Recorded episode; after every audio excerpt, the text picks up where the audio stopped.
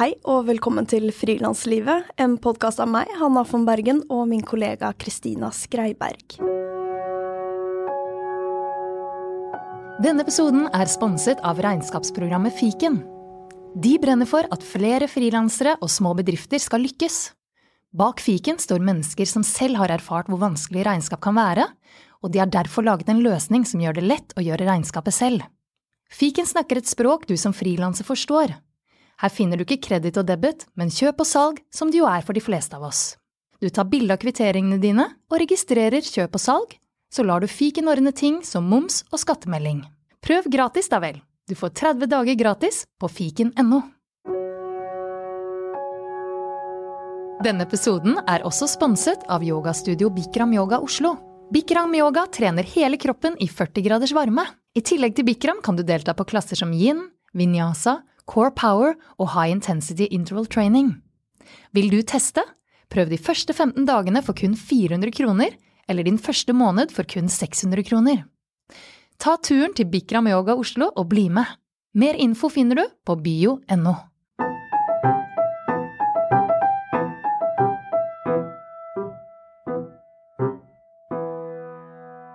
I denne podkasten snakker vi med frilansere, eksperter og hverandre om hvordan det er å jobbe som frilanser i den kreative sektoren.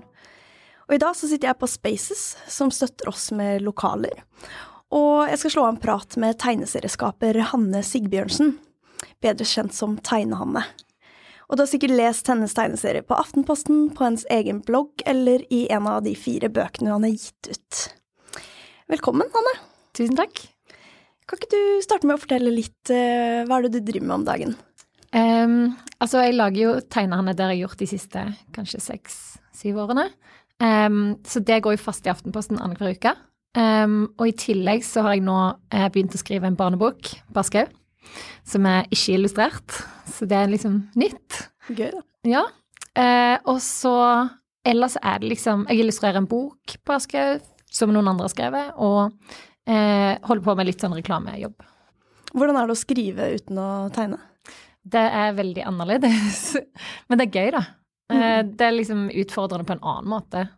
Eh, men jeg syns jo det vanskeligste er å skrive humor, og dette er barnebuksa. Det er liksom humoristisk, men ikke helt. Så det, det, er liksom gøy å prøve noe nytt, da. Hva er bakgrunnen din i forhold til tegning og skriving og den delen? Um, helt bare sjøllært, egentlig. Mm. Ja. Jeg er utdanna sykepleier. Eh, så har ingen formell utdanning innen kunst eller skriving. Og er, jeg syns det er skikkelig fantastisk at du eh, er så god, og jeg, elsker, jeg virkelig elsker tegneseriene dine. Jeg, det er liksom så fantastisk. Vi hadde noen som svarte på en spørreundersøkelse til denne podkasten om at uh, de sa at man vil gjerne høre om frilansere som på en måte er superhelt en dag og helt udugelig en annen dag. og jeg syns det, liksom, det favner litt også tegneserien din. Det stemmer. så man kan kjenne seg veldig igjen i den her, den menneskelige, den menneskelige feilingen. Mm. Mm. Det er vel det som er essensen i tegnehandel, egentlig. Liksom alt det stusslige med å være menneske. Men det er veldig sånn eh, Og jeg tenker litt som musiker òg, når jeg skriver sanger, så føles det veldig sånn personlig ut. Mm. Eh, og kanskje privat av og til, men samtidig så er de her følelsene, om det handler om kjærlighet, om det handler om at man føler seg liten, eller går på en smell, eller hva som helst, så er det Det kan føles veldig eh, privat ut, men mm. samtidig så er det så allment, da. Ja. Så det er jo veldig lett å kjenne seg igjen, selv om du skriver om ditt liv. Mm, ja, jeg mm. tror liksom jo mer privat du går inn i det, jo mer kjenner folk seg igjen, egentlig. Mm. Og det merker jeg når jeg syns det er skummelt å utlevere det, så er det ofte det som går best. Ja, ikke sant. Som eh, Har du noe eksempel? Nei, et eksempel er jo Jeg hadde den eh, luksusfellen-saken. Jeg skrev at jeg var veldig dårlig til å betale regninger. og det var liksom et stort tabu i livet mitt. Jeg syntes det var skikkelig flaut. Jeg skjulte det for Jostein, samboeren min, og alle. Um, og så skrev jeg om det, og så var liksom alle sånn det går helt fint. Sånn er jeg òg, liksom. Og, og, folk likte det veldig godt at jeg sa det, fordi jeg tror det er veldig tabu for mange. Har, har du gjemt det i en skuff? Ja, eh, og jeg gjør det ennå. Det er liksom ikke et problem som går vekk. og vi kommer litt tilbake til det her. Det faller vel litt innunder kategorien hva skal man si, prokrastinering. Mm. Um, som vi kommer litt tilbake til. Men jeg tenkte, du sa jo, nevnte så vidt at du eh, har en utdannelse som sykepleier. Mm. Eh, og du skrev akkurat en tegneseriebok som heter Blod, svette og tressis. Det stemmer. Mm, som handler om det å jobbe som, eh, som sykepleier. Ja, det handler om eh, det året jeg starta på sykepleien, eller det å velge sykepleier, til jeg var ferdig og slutta og begynte å jobbe som frilanser. Mm. Mm, så seks år. Hvorfor startet du å studere til sykepleier? Um, det var sånn veldig tilfeldig. Jeg tror liksom ingen vet hva de skal drive med når de er 18, og så var jeg òg. men jeg måtte liksom velge et studie. Så da valgte jeg bare Jeg har alltid vært litt interessert i anatomi, fysiologi og sånne ting, så da valgte jeg sykepleie, og fullførte. Og så har jeg liksom drevet med tegningen på si, da, så de har alltid vært litt sånn Eller siden jeg skriver selvbiografisk, så ble det liksom at jeg begynte å skrive om det òg. så ja. Mm. Så var, var, det litt sånn naturlig eh, overgang fra liksom eh, Hva skal man si tegneserieskaping og sykepleier? Ja, begge deler. Jeg begynte med tegneserier i stripeformat før jeg begynte på sykepleien. Så det var liksom en hobby som jeg holdt på med mens jeg var sykepleier i tillegg. Men ingen tror jo at du kommer til å bli en suksessrik tegneserieskaper, meg sjøl inkludert. Så derfor tenkte jeg jeg må jo velge en pengejobb. Eller sånn, ikke at sykepleier, du tjener jo ikke så mye penger, men du tjener mer penger enn du tror du kommer til å tjene på tegneserier. Ja, ikke sant. Ah, så det var litt sånn, For jeg lurte litt på hvor, hvor stor del av valget var på en måte basert på risiko slash penger? Ja, veldig mye. Jeg liker å ha kontroll på ting. Jeg liker ikke Sånn frilanstilværelsen høres veldig Altså ikke ut som noe for meg, da. For jeg liker å vite at jeg har en jobb om 50 år. Men siden jeg har en sykepleierutdanning, så vet jeg at jeg kan gå tilbake. Mm. Ja, Så det er jo trygt, da. Ja, ikke sant. For man tenker jo frilansere som veldig sånn risikovillige, og mm -hmm. at uh, Jeg får veldig ofte høre sånn Ja, men oi, så skummelt. Hvordan, uh, hvordan går det? Eller sånn oi. Ja. uh, og så tenker jeg sånn Ja, jeg er også veldig lite risikovillig og driver og sikrer meg med masse sånn ekstra jobber og tenker framover, prøver liksom lande året og liksom Ja, ja, ja. Jeg tror folk generelt er veldig skeptiske til det å jobbe som frilanser. Jeg merker det veldig. Alle jeg snakker med, tar på en måte opp det Å, men kan du egentlig leve av det, liksom? Og det er bra du har sykepleie, da kan du alltid gå tilbake. Og det at alle på en måte minner deg på at du er i en usikker situasjon, gjør jo òg at jeg føler veldig på det. Men jeg tror det er sikrere enn folk tror. Fordi jo lenger du jobber, jo mer bein får du å stå på, liksom.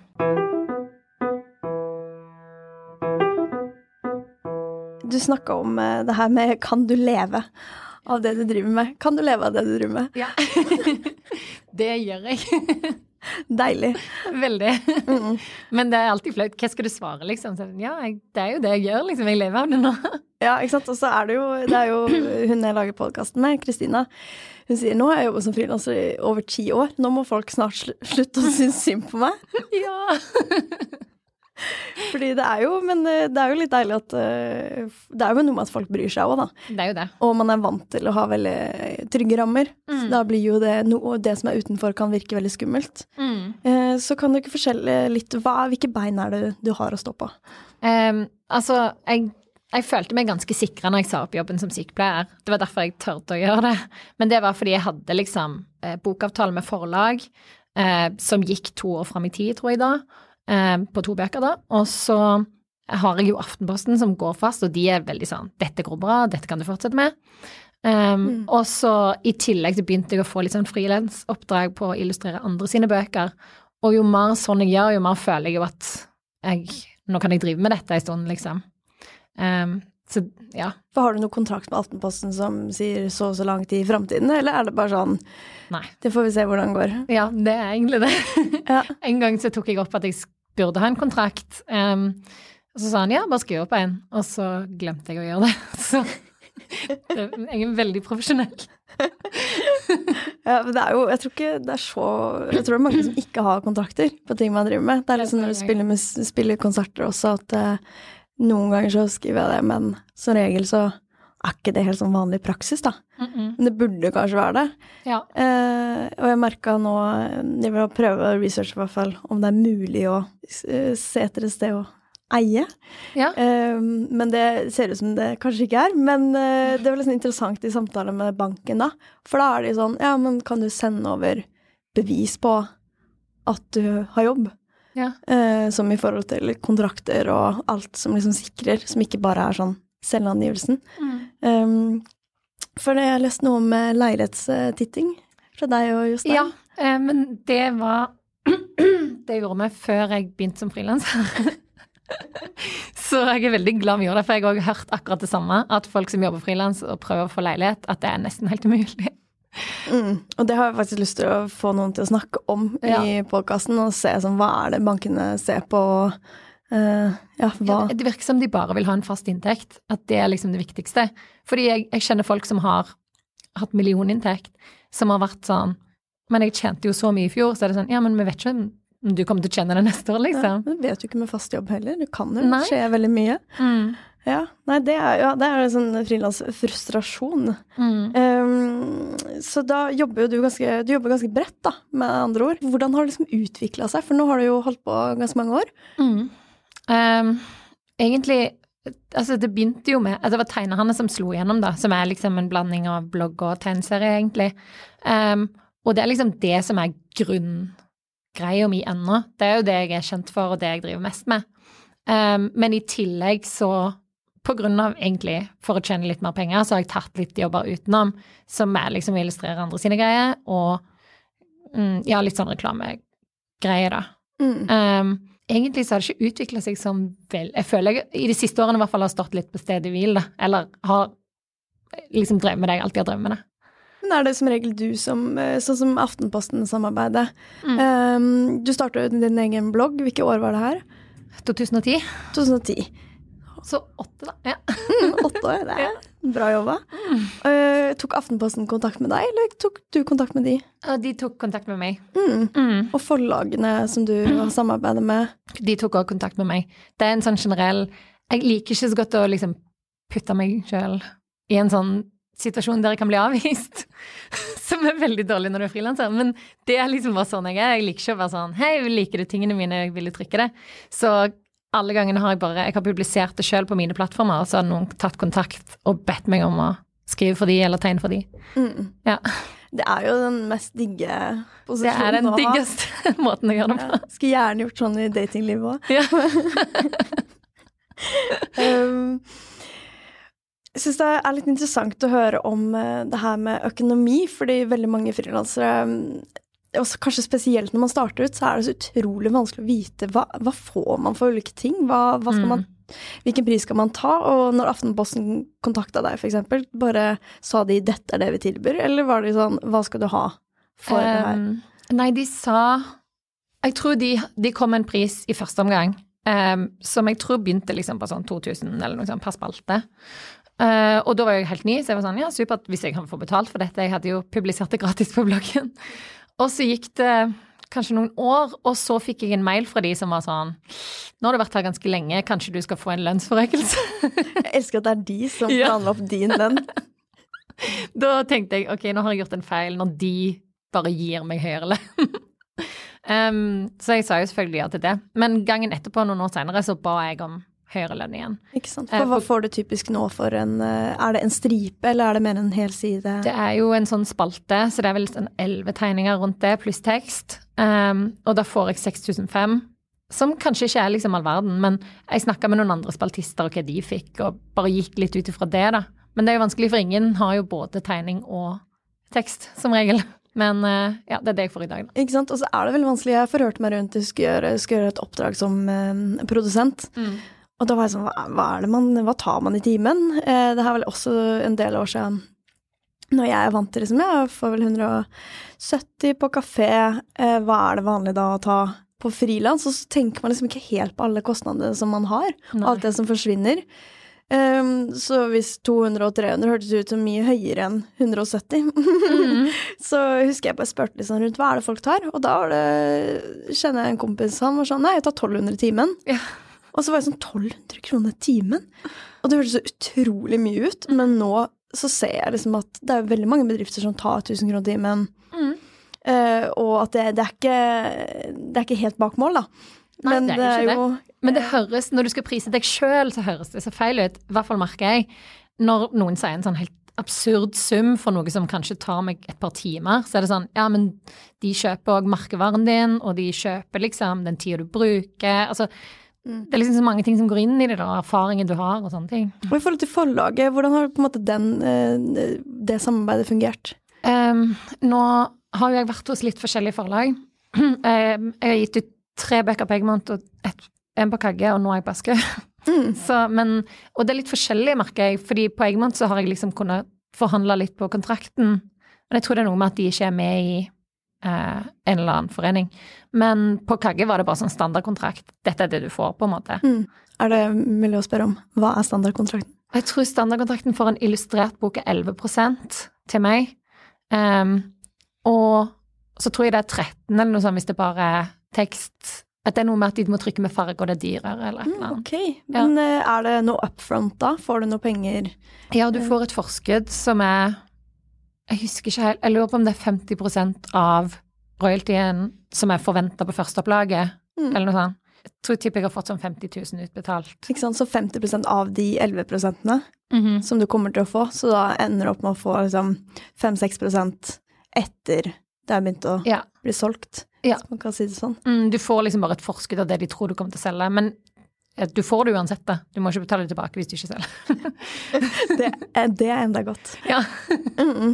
Er det mest Aftenposten og bøkene som gir deg på en måte økonomisk trygghet, eller hvordan eh, For du nevnte at du også nå jobber litt med reklame og illustrerer for andre. ja. Og det er egentlig mer for å få flere bein å stå på enn det er for penger per i dag, da. Fordi jeg tjener mest penger på bøker og ja, Aftenposten litt, da. Um, mine egne bøker er det som liksom Det gir meg en årslønn. Det er veldig deilig. Mm. Mm. Tale forlaget deg. Det er jo, når du er musiker, så er det jo typisk at du har en veldig lang prosess med å eh, skrive låter, spille inn låtene. Herregud, produsere skiva. Før så pleide jeg å synes at uh, når folk hadde lagd mange plater, så tenkte jeg sånn Oi, så kreativ du er, så mye innhold du har skapt. Men Mm. nå tenker jeg wow, shit, du har fått til liksom, det økonomiske rundt det, og det administrative, og liksom klart å produsere. Som jeg syns er liksom vel så imponerende. Yeah. Um, og når man da har gitt ut plate, så er det typisk at man har en turné som helst strekker seg over litt tid, sånn at du er nyhetsaktuell Mm. i den perioden du slipper plata. Sant. Og hvordan fungerer det i forhold til å gi ut bøker? Um, altså det er jo en sånn markedsføringsgreie når du gir ut bok. Eh, det er jo en pressemelding og sånne ting, men eh, Og så reiser jeg jo på signering, da. Men det har jeg forstått at ikke er så veldig vanlig. Mm. Um, fordi de fleste forfattere blir bare sittende alene i butikken. Oh ja. Men oh nei, så trist. ja, det er veldig trist. Og jeg har jo gått forbi noen og vært sånn Å nei, jeg vil ikke være den personen, liksom. Men eh, jeg, har, jeg gjorde en greie veldig tidlig der jeg begynte å tegne personlige hilsener til folk i bøkene. Så det kommer liksom litt folk på min signering, altså derfor har jeg gjort det. Ja, Men utenom det, så, så er det sånn gå på God morgen Norge, liksom. ikke sant. Og bare skape litt bless. Ja, du Mm. må jo på en måte være litt Som tegneserieskaper så vil jeg jo helst bare sitte hjemme og tegne og publisere ting på internett. Men jeg har jo lært at du må gå på God morgen Norge, og du må stille opp i intervjuer for å selge det. Fordi hvis ikke så når du jo ingen utenfor den kretsen du allerede har. Ja, for det er jo litt å komme på andre plattformer som når til andre type, Mhm. type folk. Eh, og er det her, sånn som når du signerer, er det noe forlaget betaler deg for å gjøre, eller er det bare en investering i, i salget, da, hvis man kan si det sånn? Nei, alt sånn er bare en investering i salget. Mm. Jeg tror aldri jeg har fått betalt for noe promo, liksom. Nei. Nei, og det gjør man. Det er kanskje ikke, ikke vanlig det. å gjøre. Nei. Uh, og det er kanskje litt annerledes som musiker. Du har jo den type promoen, men det å spille konserter blir jo en egen promo for plata og, uh, og vice versa, nesten. Mhm. Mm.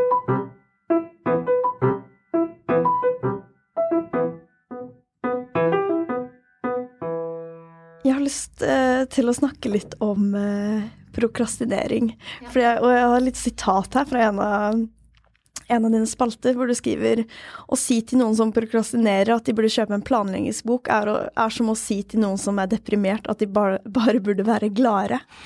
Ja, men det er sant. Og det syns jeg, ja, det synes jeg også var veldig fint sagt. Uh, og du har jo skrevet mye om det her med deadlines og prokrastinering, og jeg tror veldig mange kan kjenne seg igjen i det her at hvorfor, hvorfor er man, hvorfor kan man ikke bli bedre på det? Hvorfor er det så vanskelig? Uh, er, du, er du dårlig på å få ting gjort? Ja, jeg, jeg forstår ikke på en måte mekanikken helt bak det. Eh, men jeg tror det handler mye om at jeg ikke vil feile. Eh, det er liksom det grunntanken som jeg har liksom lagt meg ned i, da. Eller at jeg tror Grunnen til at jeg prokrastinerer, er at jeg klarer ikke å si meg ferdig med ting. Og av og til er jeg òg redd for å starte, for jeg tror jeg ikke kommer til å klare det. Så det er liksom det det Ja. Jeg, synes, jeg kan kjenne meg igjen i det når jeg starter på et litt sånn stort prosjekt. Så har jeg ulike sånn faser av en slags, hva skal man si um, commitment uh, til prosjektet. At i starten så er det sånn Ja, ok, jeg har sagt ja, jeg skal gjøre det her. Men så har jeg liksom ikke helt sånn Det har ikke eh, tatt helt form, da, og man har ikke tatt helt sånn eierskap over det. Og så etter en stund, det kan være sånn med podkasten her også, etter en stund så er det sånn ok, nå har vi faktisk begynt å planlegge det. Begynt å satt opp intervjuer, lagd en spørreundersøkelse, lagd en nettside. Det er sånn ok, nå, det her ser ut som det kommer til å skje. Og så er det på en måte sånn, etter kanskje de første intervjuene, da er det sånn ok, nå har jeg fullt eierskap. Det, Ja. det tar veldig lang tid før, man, før hjernen og hjertet har på en måte gått 100 inn da, for at man skal gjennomføre. Ja, det er helt sant. og det er så dumt at det er sånn, på en måte. Jeg skulle ønske, fordi av og til har jeg en skikkelig god idé òg, men så er det sånn Tenk hvis jeg ikke klarer å gjennomføre den så bra som den er oppi hodet mitt. Mm. Og så utsetter jeg det, fordi da er liksom den ideen fortsatt god. Eh, da har jeg ikke ødelagt den ennå. Ikke sant? Men det er jo veldig interessant, fordi du har jo ganske mye bevis for eh, suksess. Ja. Eh, så det er jo eh, interessant at du da sitter og er redd for å feile. Ja, men også er det jo òg eh, Jeg føler aldri det jeg gjør, er godt nok for meg sjøl. Og det tror jeg egentlig er en, en bra ting, fordi da vil du alltid forbedre deg sjøl.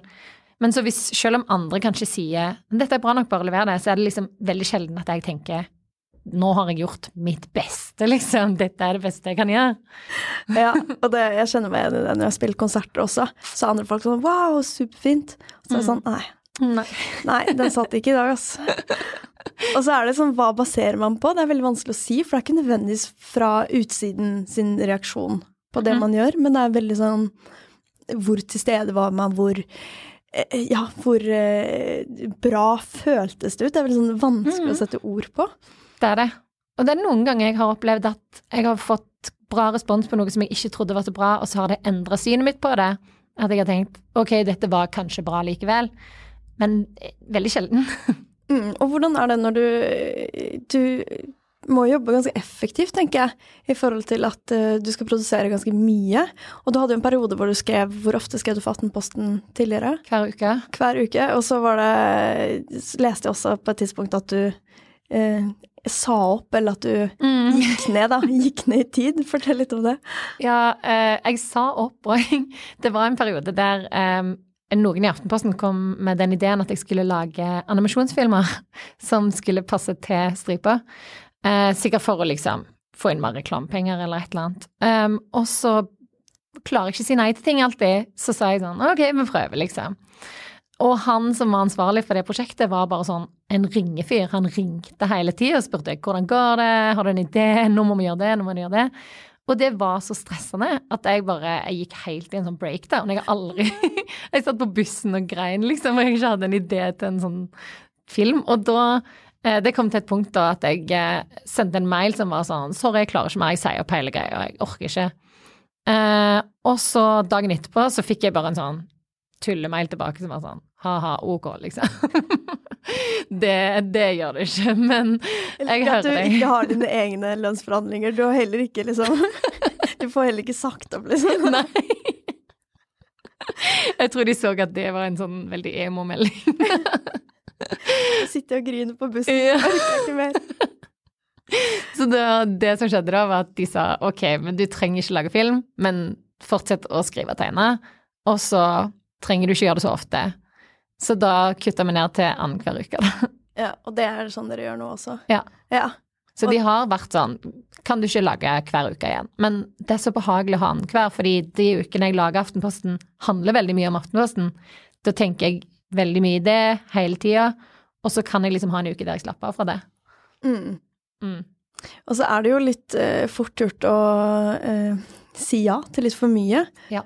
Og i hvert fall hvis man blir spurt om mye ting. Har du, hvordan har den utviklingen vært i forhold til det? Det er jo liksom kunsten å si ja, kunsten å si nei. Uh, ja, det jeg gjorde, var at jeg ansatte min samboer til å svare på mail for meg. Perfekt løsning. ja. Veldig sånn ta saken i egne hender. uh, nei, men han, uh, han ville òg hjelpe meg med det, så da gjorde han det. og det funker veldig bra, fordi hvis jeg vil si nei, eller hvis jeg egentlig vil gjøre en jobb, men vet jeg må si nei, så klarer jeg ikke, og da ender jeg opp med å ikke svare. Så da er det greit at han bare kan være sånn Dette har du faktisk ikke tid til.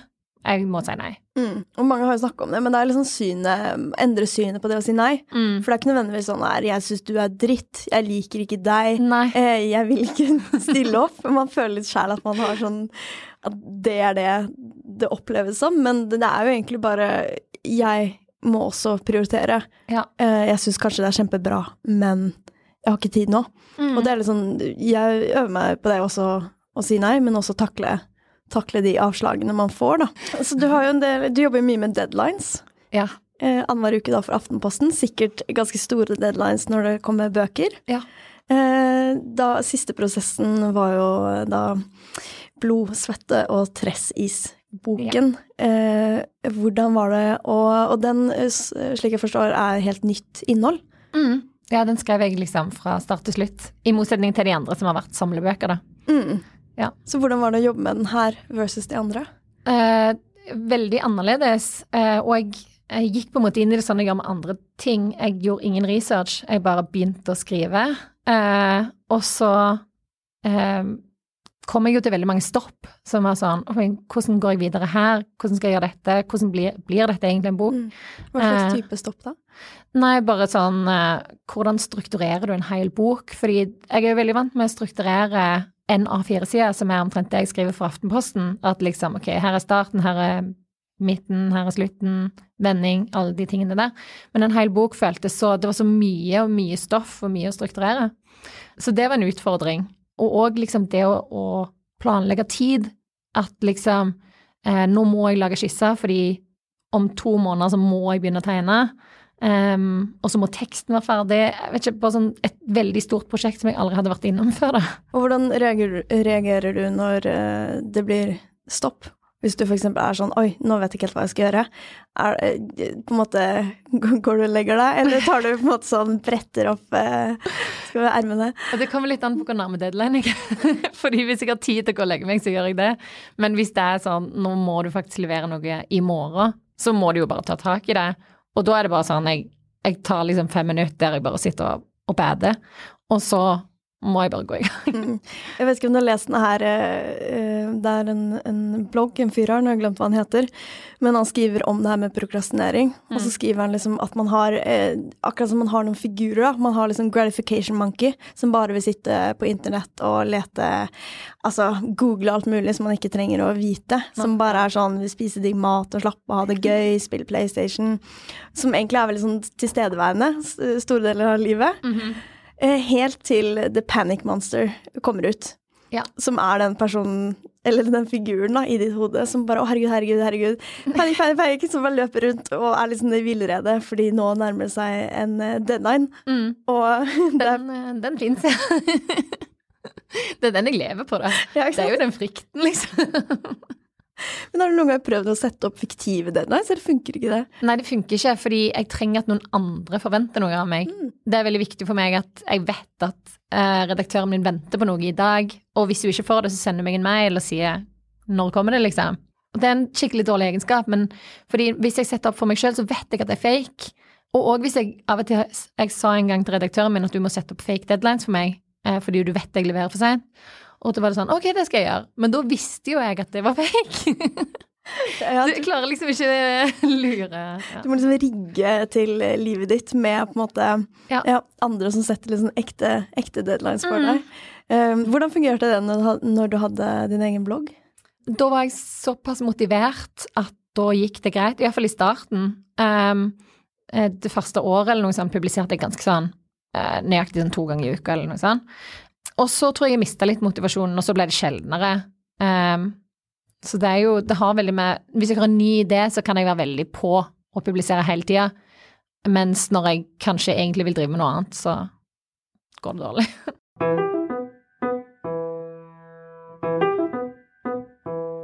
Hvordan tar du feedback? Ganske dårlig, egentlig.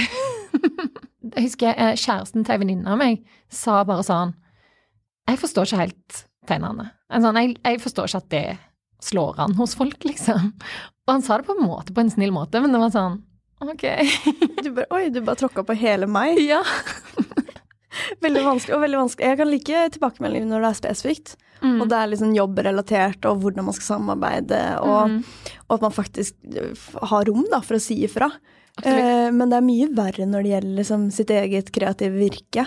Mm Eh, fordi det føles veldig fort. Det føles som å bare si sånn eh, Jeg syns du er dust. Ja. Og man blir sånn «Øh, hva? Hvilken del av meg, liksom? ja, fordi det føles jo veldig personlig, det jeg driver med. Så når du kritiserer det, så føles det jo som han kommer og sier til meg at du er dritt. Ja, ikke sant? Så jeg, jeg forstår den her greia med prokrastinering og ja. og at man er redd for å feile. Jeg tror det er veldig, veldig menneskelig. ja. Ja.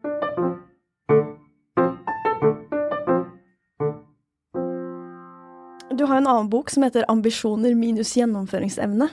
ja. Hva hva handler den om? Den handler om akkurat det. Um, men det er jo òg en samlebok, så det er liksom ting som jeg har skrevet i Aftenposten og litt forskjellig. Um, men jeg følte at essensen av alle de innleggene var at jeg prøver på noe som jeg ikke helt får til. Mm. Utenfra så virker det veldig som at du får til veldig mye. Ja, men det er kanskje mer sånn personlighetsmessig. Som, eh, som hva da? Nei, bare altså jeg, At jeg utsetter alt, da. Um, så er det sånn, ja, ut av det virker som Jeg får liksom gitt ut bøker og sånn, men jeg føler det er bare fordi folk pusher meg. Hvis ingen hadde vært sånn Dette kan vi tjene penger på, lever det til oss i morgen, så hadde jeg ikke gjort en dritt, liksom. Jeg trenger liksom den personen som bare pusher meg gjennom det, og det har jeg hatt folk som har gjort. Hvordan tenker du eh, liksom framover? Nå har du holdt på med Tegnhanne i åtte år. Eh, har du noen tanker om altså, to år fra nå, fem år fra nå? Um, nei, jeg prøver å ikke sette så mange mål, fordi da er det lett å bli skuffa hvis du ikke når det. Uh, pluss egentlig, jeg har liksom ingenting som jeg har tenkt sånn Jeg ville gi ut bok, og nå har jeg gjort det, da. Så jeg har ikke liksom et neste mål. Men jeg har jo bare lyst til å bli bedre. Uh, og det jeg har gjort i det siste, jeg har begynt å lage eh, noen striper for Instagram på engelsk, som kanskje Det er en ny greie, da, så det er en ny idé som jeg er veldig gira på. Eh, og det er ja, kanskje vi får se hvordan det går, da. Mm. Og jeg jobber med ganske mye forskjellig, og folk kan av og til spørre meg hva vil, hva vil du eh, Mm. liksom med livet, hva tenker du framover? Og jeg tenker egentlig jeg vil bare drive med det jeg driver med, eh, bare få bedre betalt. Ja. Det er én ting. Og så for meg handler det veldig mye om prosessen. At um, jeg, vil ha, jeg vil ha en givende vil, At det skal være givende mens jeg gjør det. At ikke målet alltid på en måte, er det viktigste. Enig. Men at det også skal være gøy og føles relevant, skape verdi for andre. Litt mer sånn Litt mer sånn fluffy ting, da. Som -hmm. ikke bare handler om at uh, en sånn turné eller hva skal man si, et sånn type prosjekt. Mm. Det er veldig lett å fokusere på liksom hva skal du gjøre nå, hva er det neste, eh, og sånn. Men jeg òg vil jo egentlig bare gjøre det jeg driver med. Og så lenge jeg kan gjøre det, så er jeg jo lykkelig. Har du noen måte du strukturerer dine dager på, eller er det Um, jeg eh, sitter på et kontor med noen gründere, en venninne av meg som har startet et kommunikasjonsbyrå, og de er veldig sånn Hvis jeg ikke kommer på jobb, så sender de melding.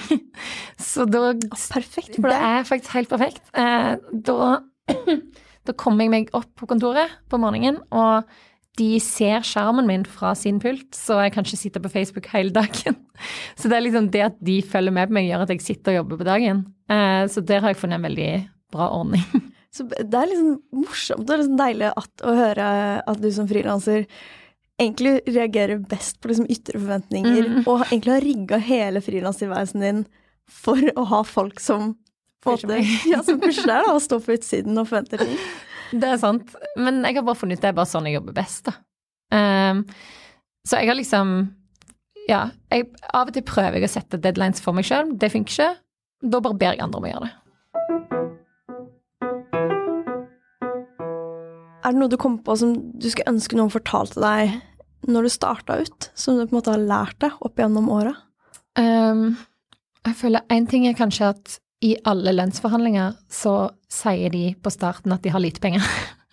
Det er det det alltid starter med, at de sier sånn Vi har veldig lite å komme med, hva skal du ha? Og så føler du sånn Å ja, å shit, de har lite penger, da må jeg be om lite. Men de har alltid mye, liksom. Utrolig bra læring. Ja, det er det. Men det tar lang tid, og jeg har tatt veldig mye for lite betalt opp igjen. Mm. Men har du noen sånne standardsatser som eh, hva det vil koste, og altså har du en timepris, eller hvordan, hvordan ser en forhandling ut? Hva baserer du din pris på? Nå baserer jeg den jo på erfaring, da, og litt Jeg har kanskje snakka litt med andre som driver med noe av det samme, hva de tar. Så jeg, jeg føler jeg kjenner ganske godt bokbransjen, Mm. hva de tar. Men sånn for alt annet så blir det bare synsing, nesten. Og man må på en måte bare basere seg på det de foreslår. Eh, og jeg tror fortsatt jeg gjør feil, jeg lærer jo hele tida. Mm. Hva er det du får eh, typisk for Hva er det hva man eh, I musikk så sier man jo typisk pris for en konsert, Ja, sant. men hva er det for en stripe eller for eh, en helside, eller Altså, hvis du lager en stripe for Dagbladet, eksempel, som skal gå fast der, så får du 500 kroner per stripe. Mens hvis jeg lager den samme stripa for eksempel Helse Vest eller et eller annet sånn foretak som skal kjøpe den, så tar jeg gjerne 6000, da. Fordi da skal jo de bruke den på en plakat eller sånn, så det kommer jo helt an på hva de skal bruke den til.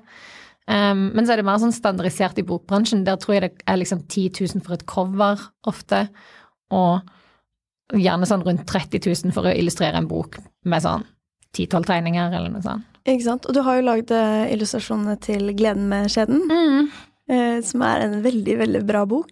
Ja, den Eh, er bra. og er det Var det et forlag da som på en måte var inne i bildet, eller var det mer eh, de som initierte boken og spurte deg om å være med? Nei, det var forlaget. Mm, så det, det var en sånn prosess med at de spurte flere, altså, flere illustratører om å tegne en vulva. Sendte meg inn den, og så valgte de den de likte best, tror jeg. Ja. Hvilken Så de likte er? min vulva best. Veldig morsomt. Eh, og det har jo gått utrolig bra for den boken. eh, solgt i masse, masse land eh, over hele verden. Hvordan gjør man det i forhold til kontrakten og når den får en sånn braksuksess? Ja, det var, og det var veldig vanskelig, fordi jeg tror ingen av oss visste hvordan vi skulle gjøre det. Um, men det er jo et sånn agentbyrå inne i bildet der og sånne ting. Um, og jeg tror det var Nina Ellen, forfatterne, som foreslo at jeg skulle få en 3% på alt utenlandssalg, som liksom adder opp, da. Det blir en del. Mm, Eh, altså 3% Ja. Mm.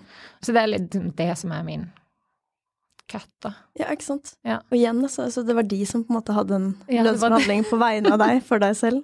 Ja. Det er utrolig bra. Men det er liksom deilig, da. Det er deilig å kjenne når folk er litt sånn reale. Mm. Ehm, og jeg syns jo det er mye utnyttelser i kulturbransjen, men det er Mhm. også veldig mye bra folk som gjør det her av innholdet og egentlig er litt sånn ildsjeler. Mm. Uh, og det er veldig deilig når man slipper å bli en sånn person som må være liksom så kynisk Ja. i forhandlinger, men også liksom at man møter hverandre litt på samme, samme side og kan ja, Ja. være litt mer reale med hverandre. Men det er jo ikke alltid man Nei, og du vet liksom aldri, men jeg, jeg stoler jo veldig på folk, da. Så hvis de sier at liksom dette er en bra deal, så godtar jeg det, liksom. Ja. Og så er det veldig greit å sjekke litt med andre. Hva er det folk Ja. faktisk får? For det gjør det litt lettere å liksom orientere seg, rett og slett. Mhm. Mm. Er det noe annet du har på en måte lært deg om det å være frilanser? Jeg har lært veldig mye, men jeg, jeg føler ikke jeg har liksom konkretisert det helt for meg sjøl heller. Det er bare sånn erfaringsmessig. Em, men en ting som hjalp veldig, var å uh, bli medlem av sånn gruppe på Facebook med folk som driver med det samme. Mm. Fordi da kan du se diskusjoner om folk. Er dette for mye, eller for lite? Hva kan jeg be om her? Bare for å se liksom hva andre får, da. Som handler litt mer om det det sånn konkrete Ja, for det er liksom det jeg sliter med. Fordi akkurat det med å skrive tegnene og alt det der, det føler jeg at jeg har såpass kontroll på sjøl. Jeg trenger ikke på en måte noen som forteller meg hvordan jeg skal gjøre det. Men sånn rent praktiske ting er jo veldig greit å få litt hjelp med. Hva syns du på en måte hva er mest givende med å jobbe som frilanser og jobbe som tegneserieskaper? Jeg syns jo at friheten er veldig digg. Det der å jobbe vakter på sykehuset er jo veldig sånn bindende, og eh, du må alltid gå på jobb når det skjer noe kult, for du jobber jo helger og natt og alt det der. Eh, mens nå kan jeg liksom styre hverdagen min litt sjøl, da. Det syns jeg er veldig digg. Og òg det liksom å Herregud, det er jo et privilegium å kunne få jobbe frilans. Og jobbe med akkurat det jeg vil, og tegne som jobb. det er jo sånn, Av og til må jeg jo bare ta meg selv i det. bare sånn, det, Du er dritheldig. en gang så lagde jeg et Word-dokument der jeg skrev ned alle tingene jeg hadde gjort. Bare fordi jeg måtte være sånn Du fortjener dette. Å, det er veldig fint. Ja. ja men jeg tror eh, Og til og med liksom i samtale med mamma. Hun har hatt ganske mange forskjellige yrker og vært eh, kunstner og maskør, men også på en måte tatt utdannelse i landskapsarkitekt. Og, eh, og, hun kan liksom snakke om på en måte bare det siste.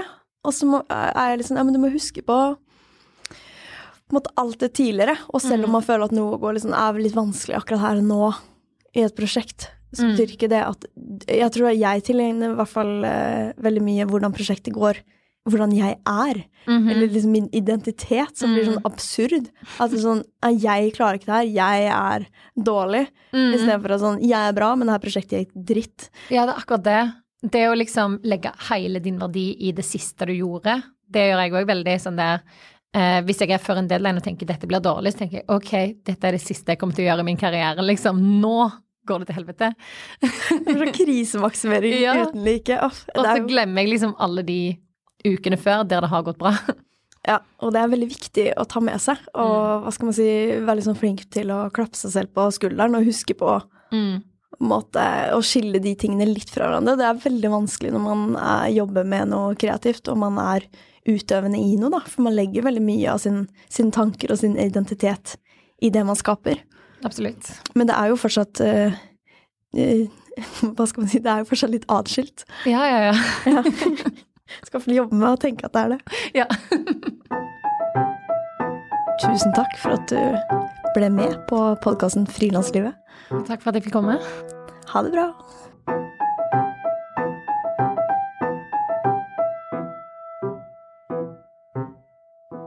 Hvis du likte det du hørte, så setter vi utrolig pris på om du har lyst til å dele det med andre frilanskolleger. Det betyr masse for eh, podkasten og for muligheten vår til å fortsette å lage bra innhold. Takk.